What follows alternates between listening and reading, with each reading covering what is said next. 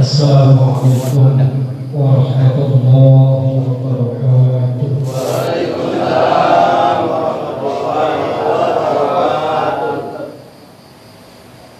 إن الحمد لله نحمده ونستعينه ونستغفره ونعوذ بالله من شرور أنفسنا ومن سيئات أعمالنا.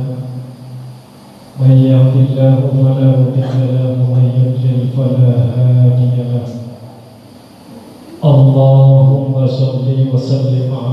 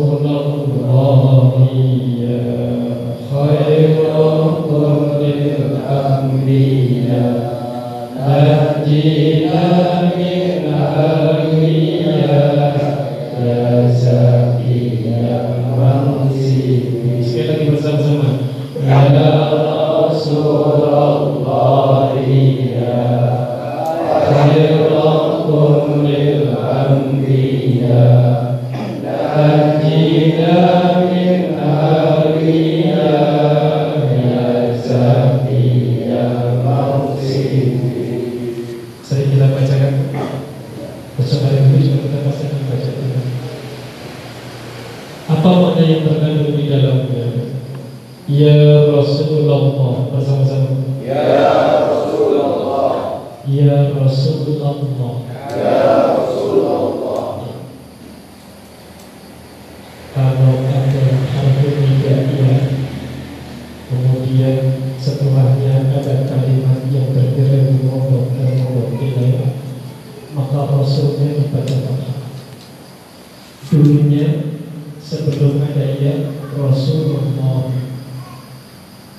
Sudah ada ya Rasulullah coba ya Rasulullah ini bacaan yang sama kalau nanti baca marhaba ya nurul ain tapi kadang ibu-ibu bapak-bapak bacanya marhaba ya nurul ain salah secara nahwu sama yang benar ya nurul ain coba ya nurul ain coba marhaba ya nurul ain coba dengerin ibu marhaba ya nurul ain ketahuan banget nggak tahu nahwu nah ya Rasulullah bersama-sama Ya Rasulullah ya Rasulullah Ya Rasulullah.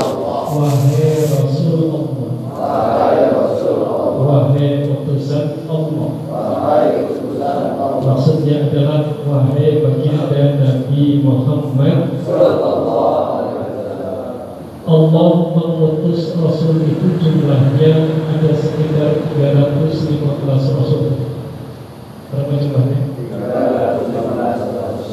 Allah mengutus Nabi jumlahnya 124 ribu Nabi Rasulnya 315 Nabinya 124 ribu Nabi Yang wajib diketahui hanya ada 25 Dari mulai Nabi Adam sampai dengan Nabi Muhammad Sallallahu Tapi jumlahnya bukan 25 Rasulnya menurut pendapat yang paling kuat adalah 315 Rasul. Nabinya 124 ribu.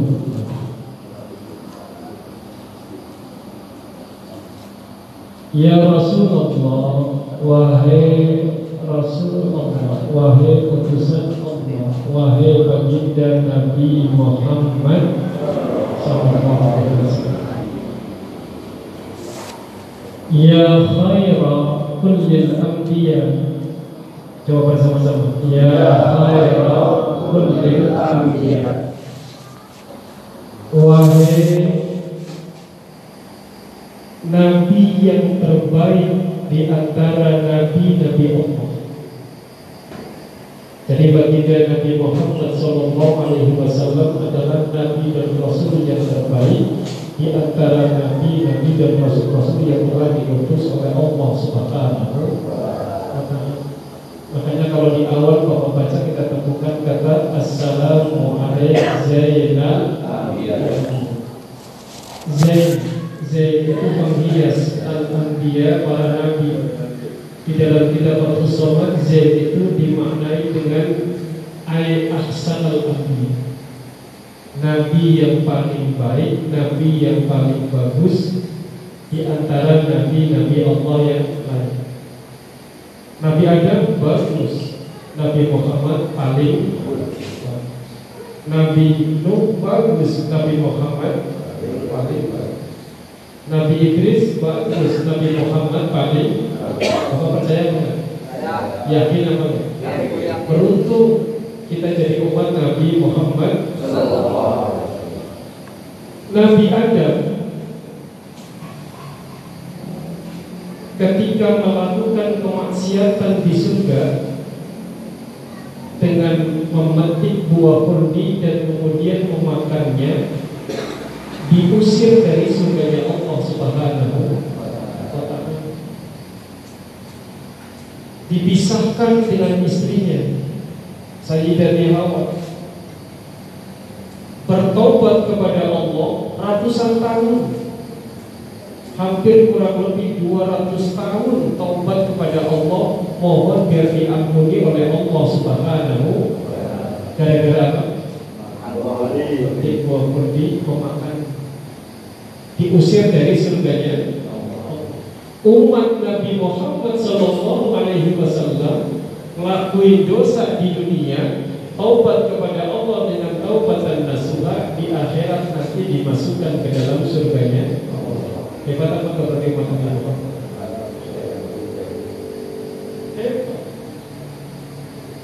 Nabi Adam ketika melakukan perbuatan ambil buah kulit dan memakannya kemudian seluruh bajunya terlepas dari dirinya. Terbuka auratnya, diusir langsung oleh Allah Subhanahu wa taala. Umat Nabi Muhammad melakukan dosa, bajunya masih dipakai, tidak terbuka auratnya. Karena keutamaan dan kemuliaan umat Nabi Muhammad Sallallahu Bayangin teman-teman. Makanya beruntung kita umat Nabi Muhammad Sallallahu Alaihi Wasallam.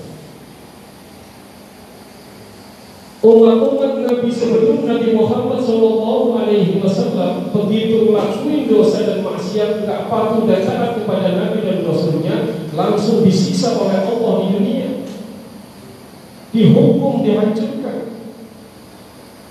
Dengan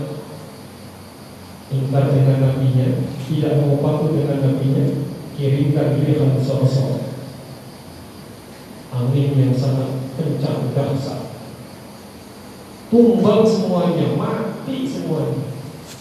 Dihukum langsung oleh Allah Subhanahu wa taala.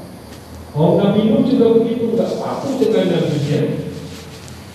Hujan berhari-hari tenggelam mereka semua. Kaum Nabi Lut pun seperti itu, nggak mau patuh dengan nabinya, dihujani batu oleh Allah Subhanahu wa taala. Tapi umat Nabi Muhammad Coba bayangin, setiap hari ngelakuin dosa, setiap hari ngelakuin maksiat, tapi gak dihukum oleh Allah Subhanahu wa taala. Sholat setiap waktu, gak ngaji, dengan tenang-tenang saja seolah-olah tidak diberikan hukuman oleh. Maka ada yang berani ngomong, Ustaz, saya gak sholat, gak diapa-apain. Ada gak yang pernah dengar? Saya pernah dengar kalau ngomong, saya gak sholat, gak diapa-apain. Saya nggak ngaji, nggak dihukum sama Allah. Jangan ngomong begitu. Kalau Allah belum menghukum atas perbuatan dosa yang kalian lakukan, bukan berarti kalian dibiarkan oleh Allah. Lagi ditunggu oleh Allah kapan sih kepada Allah. Begitu nanti waktunya tiba kalian juga tidak mau tobat kepada Allah, siap-siap saja dibanting oleh Allah dengan bantingan yang sekeras-kerasnya. Percaya apa enggak? Yakin apa enggak? Fasobba alaihim rabbuka Jadi orang yang nggak sholat terus kemudian ngomong saya nggak sholat nggak dia apa tunggu waktunya nanti begitu datang waktunya pasti akan dibanting oleh Allah. Yang nggak ngaji cuek-cuek aja malah seolah-olah ya kan ngapain ngaji pada manfaatnya nggak pinter-pinter ngaji puluhan tahun. Ada yang ngomong begitu juga. Ada yang ngomong begitu. Ada saya mau dengar. Saya dengar. Jangan begitu. Ngaji itu paling tidak kita punya rem. Karena saya ngomong berkali-kali kalau bapak mau ngaji benar datang ke rumah saya asal siap otaknya. Mau ngaji apa? Nahu, sorot, balaghah. Ayo. Tapi jangan kemudian kecap di belakang, ngomongnya di belakang. Asal bapak kuat otaknya yang ngaji pasti pintar insya Allah. Jangan kemudian ngomong bahasanya apa ya menggembosi orang yang sedang ngaji biar nggak ngaji. Mudah-mudahan kita semua diberikan istiqomah oleh Allah Subhanahu wa taala. Amin.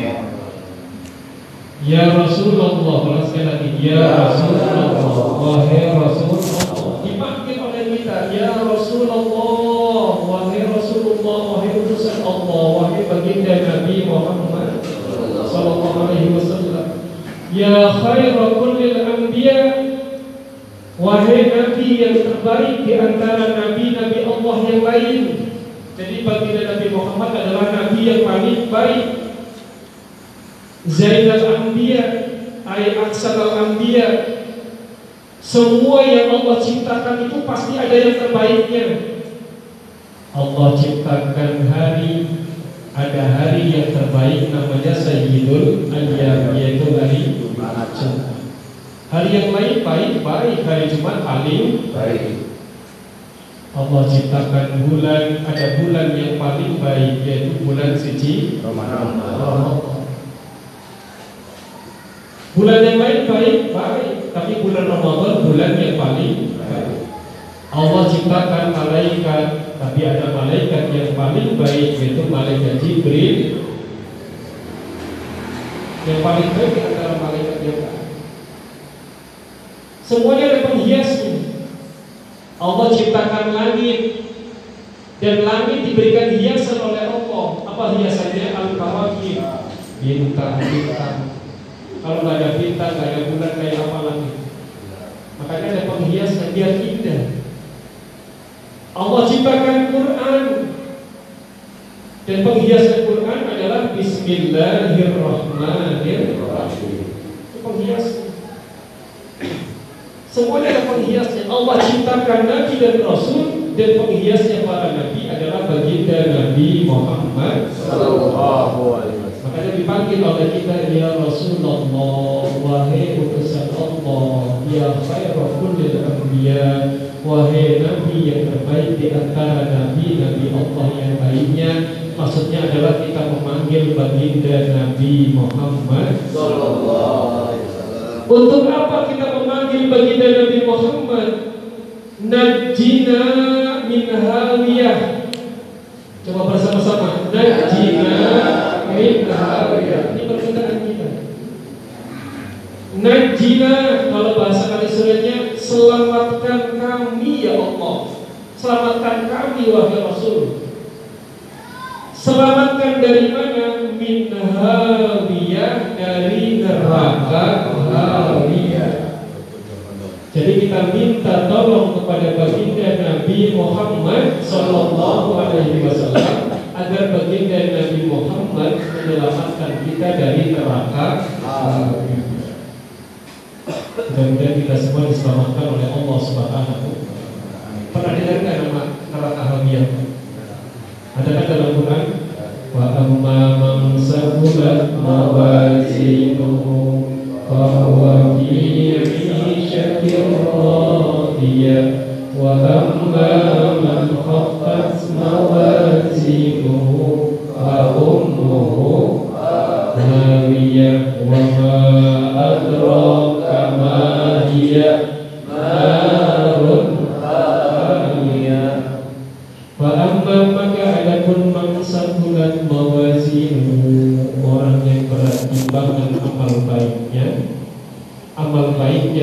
berat daripada amal jeleknya bahwa maka dia fi'isyatir radiyah berada dalam kehidupan yang menyenangkan dimasukkan ke dalam surganya Allah Subhanahu wa taala. Mudah-mudahan kita termasuk di dalam tapi sebaliknya wa amma man khaffat mawazinuhu dan adapun orang yang ringan timbangan amal baiknya begitu ditimbang oleh Allah ternyata amal baiknya lebih ringan yang beratnya amal jeleknya. Fa ummuhu maka tempat kembalinya adalah neraka. Kira-kira nih Pak, kira-kira kita pakai kira-kira dulu sebelum nanti ditimbang beneran di akhirat. Banyak mana dosa kita dengan kebaikan kita? Coba jawab banyak dosanya apa banyak baik? Ada banyak tobat kepada Allah dengan taubatan biar diselamatkan oleh Allah Subhanahu Wa ma adraka ma hiya dan tahukah kamu apa itu neraka hawiyah? Narun hamiyah adalah api yang sangat panas. Apinya neraka itu 70 kali lipat panasnya daripada api dunia. Api dunia itu baru asapnya, api neraka. Dahulu ketika Nabi Adam alaihi salam api, malaikat Jibril minta kepada Allah, ya Allah, ada butuh api. Eh, berapa besar aku harus mengambil api dari neraka jahanam? Apakah aku harus mengambil sebesar kurma? Apa kata Allah? Andaikan kamu ambil api dari jahanam sebesar kurma, akan mati semua penduduk langit dan bumi. Lalu harus bagaimana ya Allah? Setengah kurma saja saya ambil dari neraka jahanam. Kata Allah, kalau kamu ambil setengah kurma itu besarnya api jahanam kamu ambil, kamu taruh di dunia, maka dunia akan menjadi kering, kerontang, akan ada air di dunia. Kering semua. Lalu bagaimana aku mengambilnya? Kata Allah, ambil seberat zarah. Kecil. Kecil banget, ukuran paling kecil sekarang apa? Ya, ukuran paling kecil. Diambil dengan ukuran yang paling kecil oleh malaikat Jibril, dicuci dulu lagi di beberapa sungai. Begitu sudah dicuci kemudian diberikan kepada Nabi Adam diletakkan di atas gunung. Ternyata apinya jatuh terus nembus ke bumi yang paling dalam. Jadi yang di gunung itu baru asapnya. Panasnya luar biasa. Api ada di bawah, tembus ke dasar bumi. Itu yang seberat zarah. Makanya kalau ada orang berani dan menantang ah apa-apa saya masuk ke nerakanya Allah, gak usah banyakkan gaya, ambil kompor gas, nyalain, taruh tangannya di atasnya, kuat nggak? Satu jam aja gak usah lama-lama. Kira-kira gimana? Satu jam. Satu jam aja deh. Nah untuk bilang, dan kalau manusia ketika mati menghadap Allah dosanya lebih banyak daripada amal baiknya, siap-siap aja kuburnya menjadi kufrah minhu balik lubang dari salah satu lubang neraka. Berarti dibuka tuh lubangnya satu kayak di oven bapak. Bapak masuk ke dalam dan tutup gitu kan. Flaming barang satu jam kayak apa rasanya? Jadi kuburnya orang-orang yang kufrah minhu balik lubang dari salah satu lubang neraka. Berarti kayak di oven di dalam Panasnya kayak apa? Teriakannya kayak apa? Untungnya kita nggak dengar. Makanya mudah-mudahan kita semuanya mohon kepada Allah dan mohon kepada baginda Nabi Muhammad Sallallahu Alaihi Wasallam. Mudah-mudahan kita ditolong oleh baginda Nabi, diselamatkan oleh baginda Nabi, diberikan syafaat oleh baginda Nabi dan baginda Nabi nanti di yaumil kiamat. Makanya najina min hawiyah bersama-sama. Najina min hawiyah selamatkan kami dari neraka hawiyah. Dipanggil baginda Nabi oleh kita ya Rasulullah. Makanya kalau lagi baca Robi jangan main-main. Kalau lagi baca Robi jangan bercanda. Karena di dalam Robi ini isinya doa semuanya dan pujian kepada baginda Nabi Muhammad Jangan dianggap enteng, maknanya luar biasa. Kita nggak ngerti aja maknanya. Ada yang bapak ngerti, bapak akan nangis terus kalau baca Robi. Saya cuma ngambil satu ayat doang. Najina min hawiyah. Selamatkan kami wahai Rasul dari neraka hawiyah. Tolong kami ya Rasul. Jangan sampai kami semuanya nanti masuk ke dalam neraka hawiyah. Mudah-mudahan kita diberikan syafaat oleh baginda Nabi Muhammad Sallallahu Ingin apa enggak? Ingin apa? Kalau ingin dapat syafaat dari baginda Nabi, perbanyak baca sholawat. Apalagi bulan Rabiul Awal. Banyak sholawat. Saya sering ngomong berkali-kali, kalau kita baca sholawat satu kali dibalas oleh Allah sepuluh kali. Kalau kita baca sholawat sepuluh kali dibalas oleh Allah seratus. Kalau kita baca sholawat seratus kali dibalas oleh Allah seribu. Kalau kita baca sholawat seribu kali dalam sehari, maka kata baginda Nabi, lam yakut hatta yubashshira lahu bil jannah. Kamu gak akan mati sampai digembirakan surga oleh Allah Subhanahu wa taala. Berarti orang yang rajin baca sholawat, insya Allah tempatnya di surganya Allah Subhanahu wa taala. Gak mungkin baginda Nabi Muhammad bohong. Gak mungkin Allah Subhanahu wa taala ingkar janji karena inna Allah la yukhliful mi'ad. Sesungguhnya Allah itu adalah zat yang tidak pernah janji.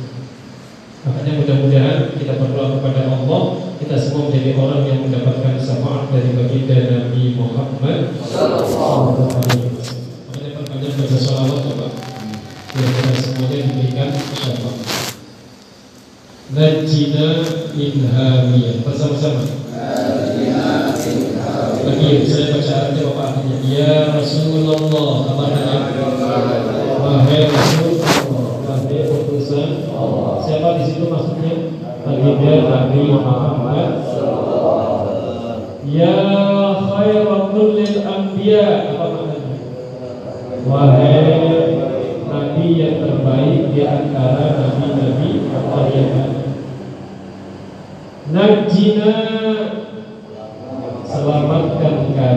Min hawiyah Dari neraka hawiyah Ya Zakiyal Mansibi Bersama-sama. Ya Zakiyal Mansibi Lagi. Ya Zakiyal Mansibi Wahai orang yang bagus Orang yang suci Martabatnya. Wahai orang yang bagus, orang yang suci martabatnya. Bisa juga wahai orang yang bagus nasabnya. Ini nasabnya pembina Nabi itu garisnya luar biasa. Orang-orang soleh, orang-orang bahkan terahnya kalau kita tarik ke atas sampai ke baginda Nabi Ibrahim alaihi. Yang kita kenalkan cuma baginda Nabi Muhammad bin siapa? bin bukan bapaknya baginda Nabi siapa? Abdullah bin Abdul bin Tuh, kelemahan kita gitu. Kelemahan orang-orang Indonesia gitu. Ingatnya cuma tiga rata-rata.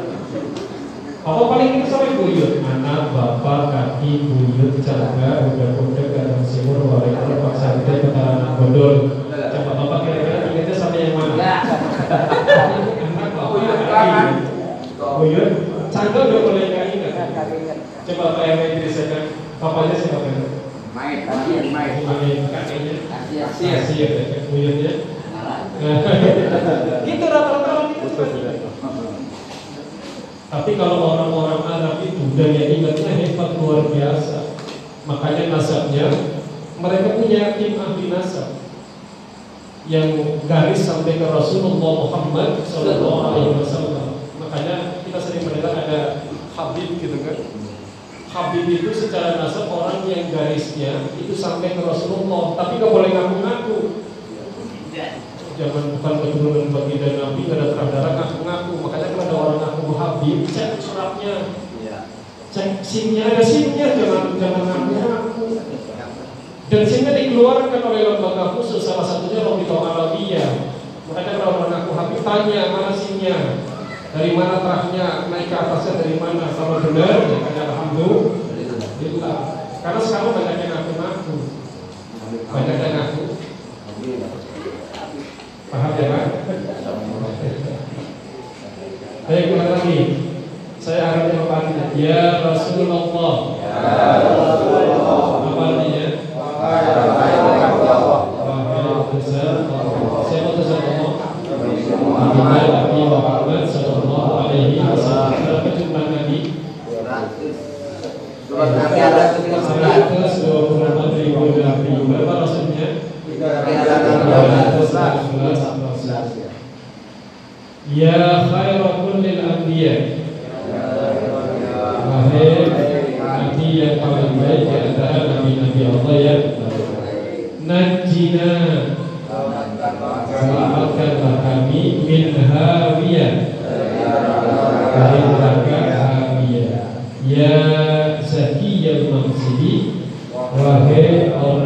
Suci martabatnya Atau wahai orang yang bagus nasabnya Mudah-mudahan kita semuanya mendapatkan syafaat dari baginda Nabi Muhammad Sallallahu Alaihi Wasallam.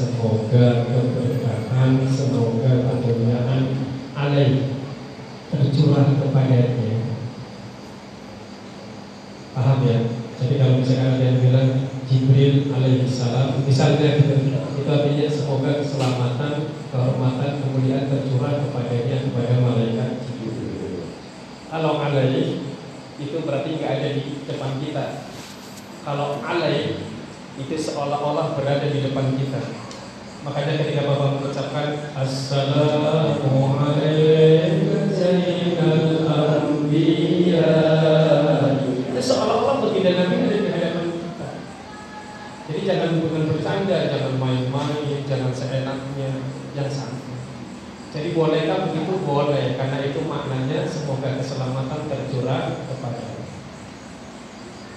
Inna allaha wa malaikatahu yusalluna ala nabi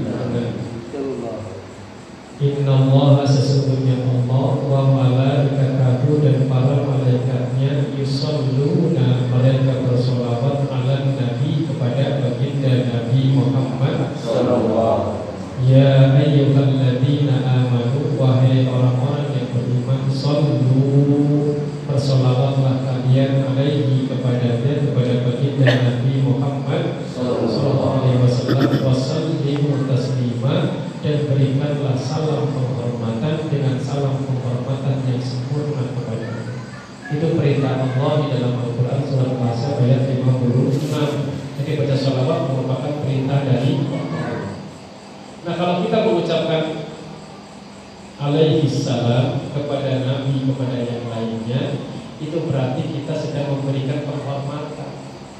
Memberikan penghormatan itu diajarkan oleh Allah kepada semua makhluk Allah.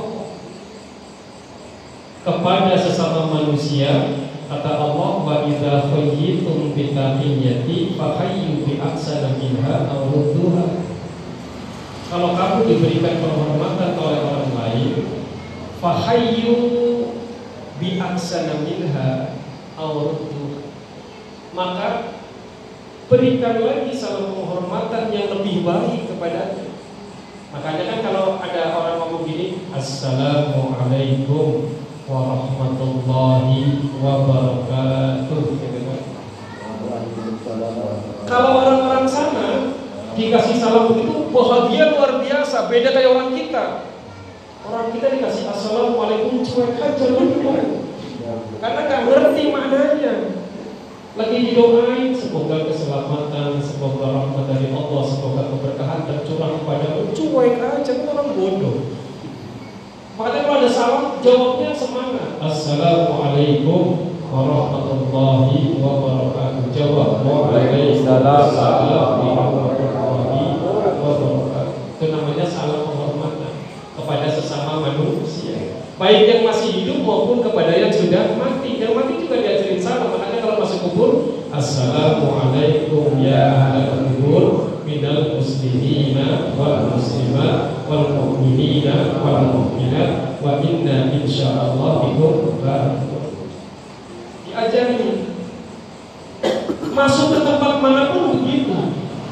Masuk ke dalam rumah juga diajarkan ucapin salam kalau mau masuk rumah biasakan ucapin salam. Assalamualaikum warahmatullahi masuk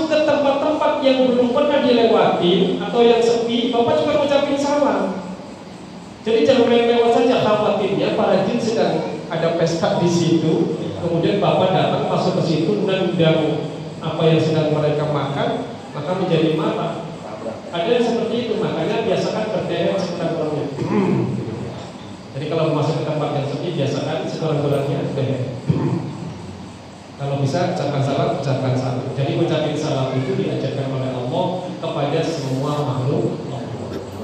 Yang masih hidup maupun yang sudah mati. Apalagi kepada golongan para nabi ya kan para malaikat. Nggak apa-apa ucapin. Alaihi Silakan ada yang lain.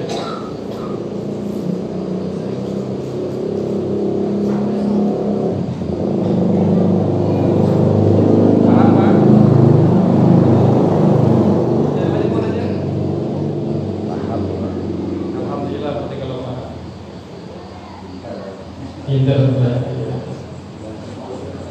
Ada yang mau lagi? Enggak ada? Ada Pak. Iya, silakan. Nih, masuk. warahmatullahi wabarakatuh.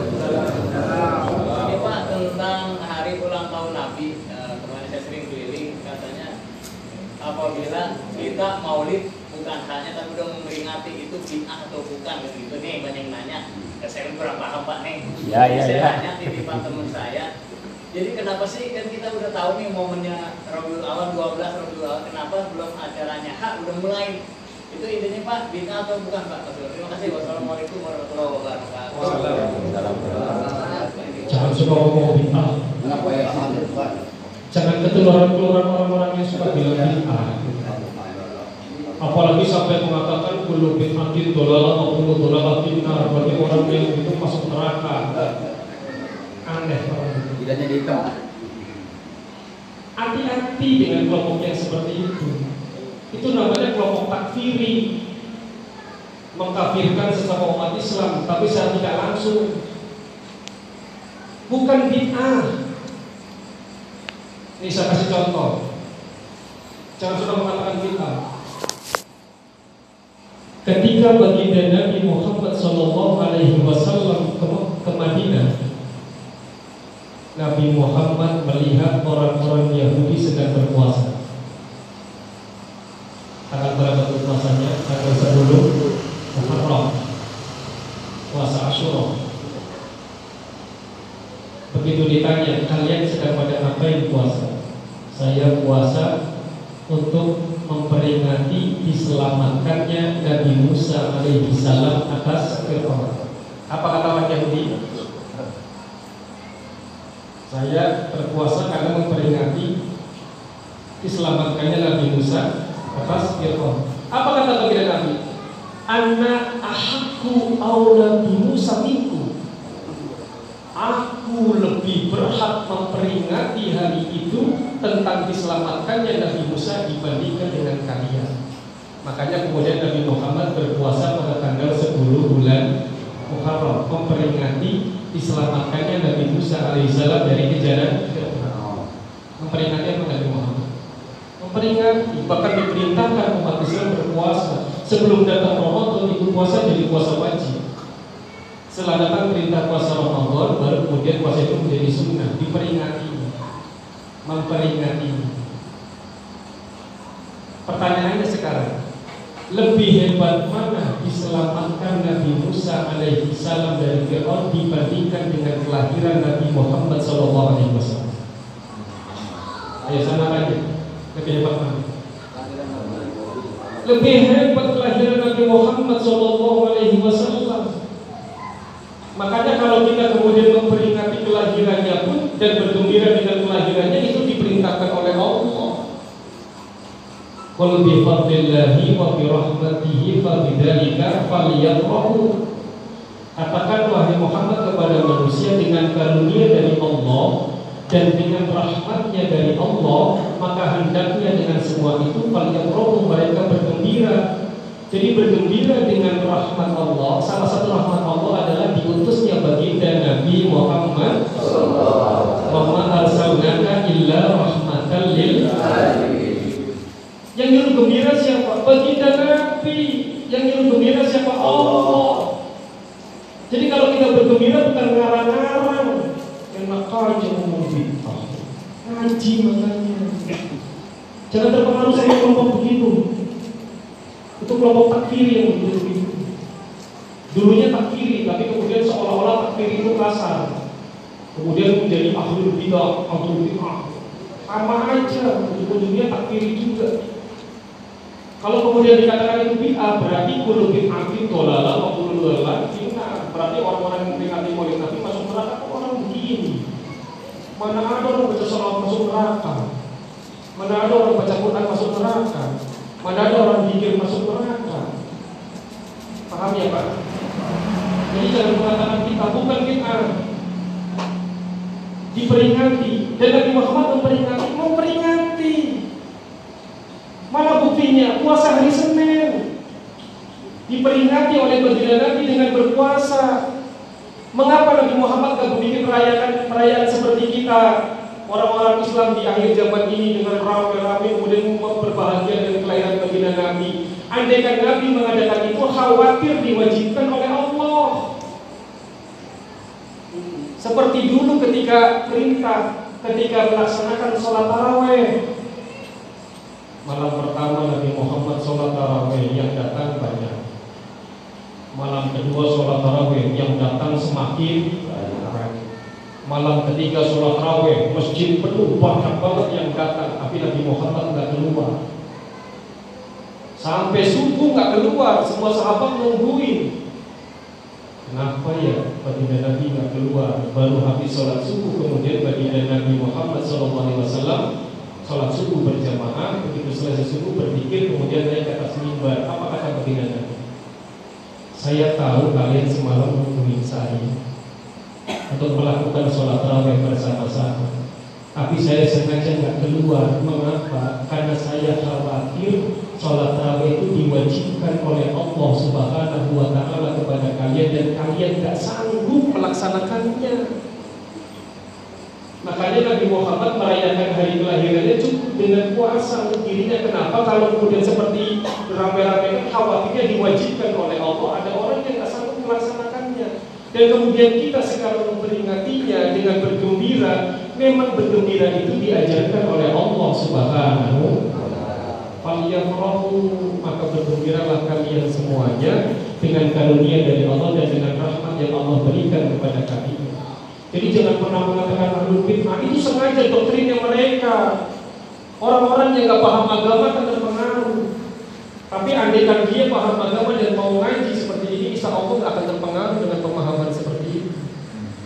Saya pesan kepada jamaah-jamaah yang ada di kali sore jangan mudah membid'ahkan. Jangan mudah membid'ahkan. Imam Syafi'i saja mengatakan al bid'atu bid'atani. Bid'ah itu terbagi menjadi dua bagian. Yang pertama namanya bid'ah hasanah yang kedua namanya bid'ah dhalalah apa itu bid'ah hasanah sesuatu yang baru yang tidak ada contoh dari Nabi tapi baik itu namanya bid'ah hasanah kalau ada sesuatu yang baru yang tidak ada contoh dari Nabi dan itu jelek bertentangan dengan ajaran agama, baru disebut dengan bid'ah dhalalah. Paham ya Pak? Jadi jangan mudah mengatakan bid'ah. Tuh listrik tuh lampu di atas tuh, bid'ah apa enggak? Hasanah apa dhalalah? Bid'ah hasanah apa dhalalah? Hasanah. Dipakai semuanya. Paham ya? Kalau Imam Syafi'i saja yang sekali berimam Syafi'i yang ahli Quran ahli hadis mengatakan al bid'atu bid'atani, lah kita yang ilmunya kagak seberapa, main pukul rata semua bid'ah sesat. Otaknya kiri lagi. Paham ya Pak? Hati-hati aja, hati-hati.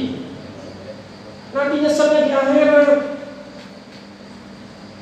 Contoh, orang di Iran tahlilan dipitahkan Padahal yang dibaca di tahlilan apa?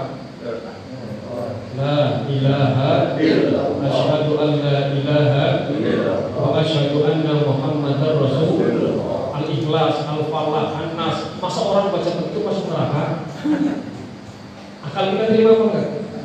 Enggak terima Dulu orang-orang kafir Mekah, tukang jina, tukang judi, tukang mabuk, tukang segala-galanya, kafir labelnya. Begitu mengucapkan asyhadu an la ilaha illallah wa asyhadu anna muhammadar rasulullah, label kafirnya berubah menjadi muslim. Semua dosanya diampuni oleh Allah Subhanahu wa taala. Lah kita sekarang muslim. Masa gara-gara baca syahadat, baca tahlilan kemudian jadi amul bid'ah, kulu bid'atin dolala, kulu dolala fitnah, neraka dasmu. Paham nih Pak? Bisa ngomongnya agak kenceng ya, karena habisnya lucu gitu aneh. Jangan mudah mengatakan bid'ah.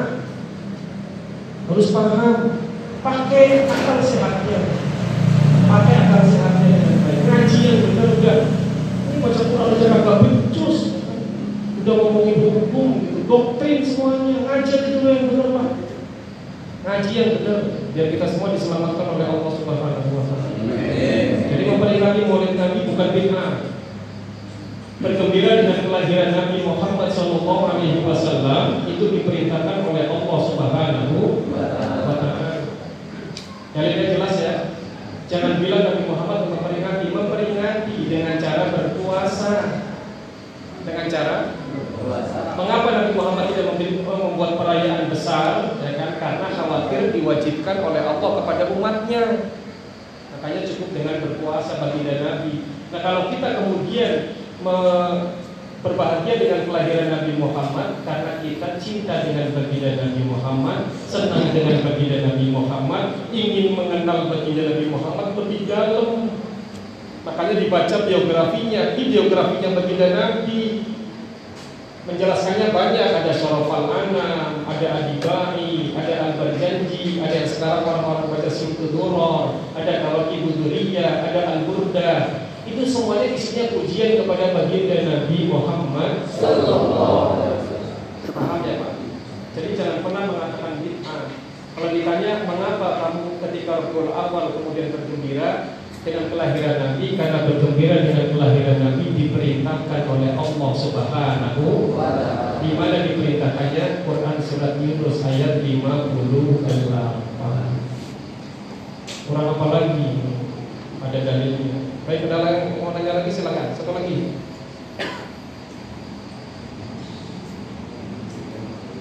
Pokoknya saya pesan jangan kena takfiri, itu kelompok takfiri itu yang begitu. Hati-hati. Dulu namanya kelompok takfiri. Kelompok takfir itu kelompok yang mudah mengkafirkan sesama umat Islam. Hati-hati. Kalau Bapak pengen lebih dahsyat lagi mempelajari itu silakan baca kitab yang sudah dijelaskan oleh para ulama Ahlussunnah wal Jamaah. Menjelaskan tentang bagaimana kelompok-kelompok ekstrim yang takfiri itu. Salah satu di antaranya gitu memprovokasi umat. Mengatakan bahwa semua umat-umat itu adalah ahlul bid'ah. Nanti kemudian dia mengatakan kullu bid'atin dolalah wa kullu dolalah finnar. Setiap bid'ah itu sesat, setiap sesat masuk neraka. Sebenarnya dia mau ngomong begini, kalau lu begitu berarti lu nanti masuk neraka.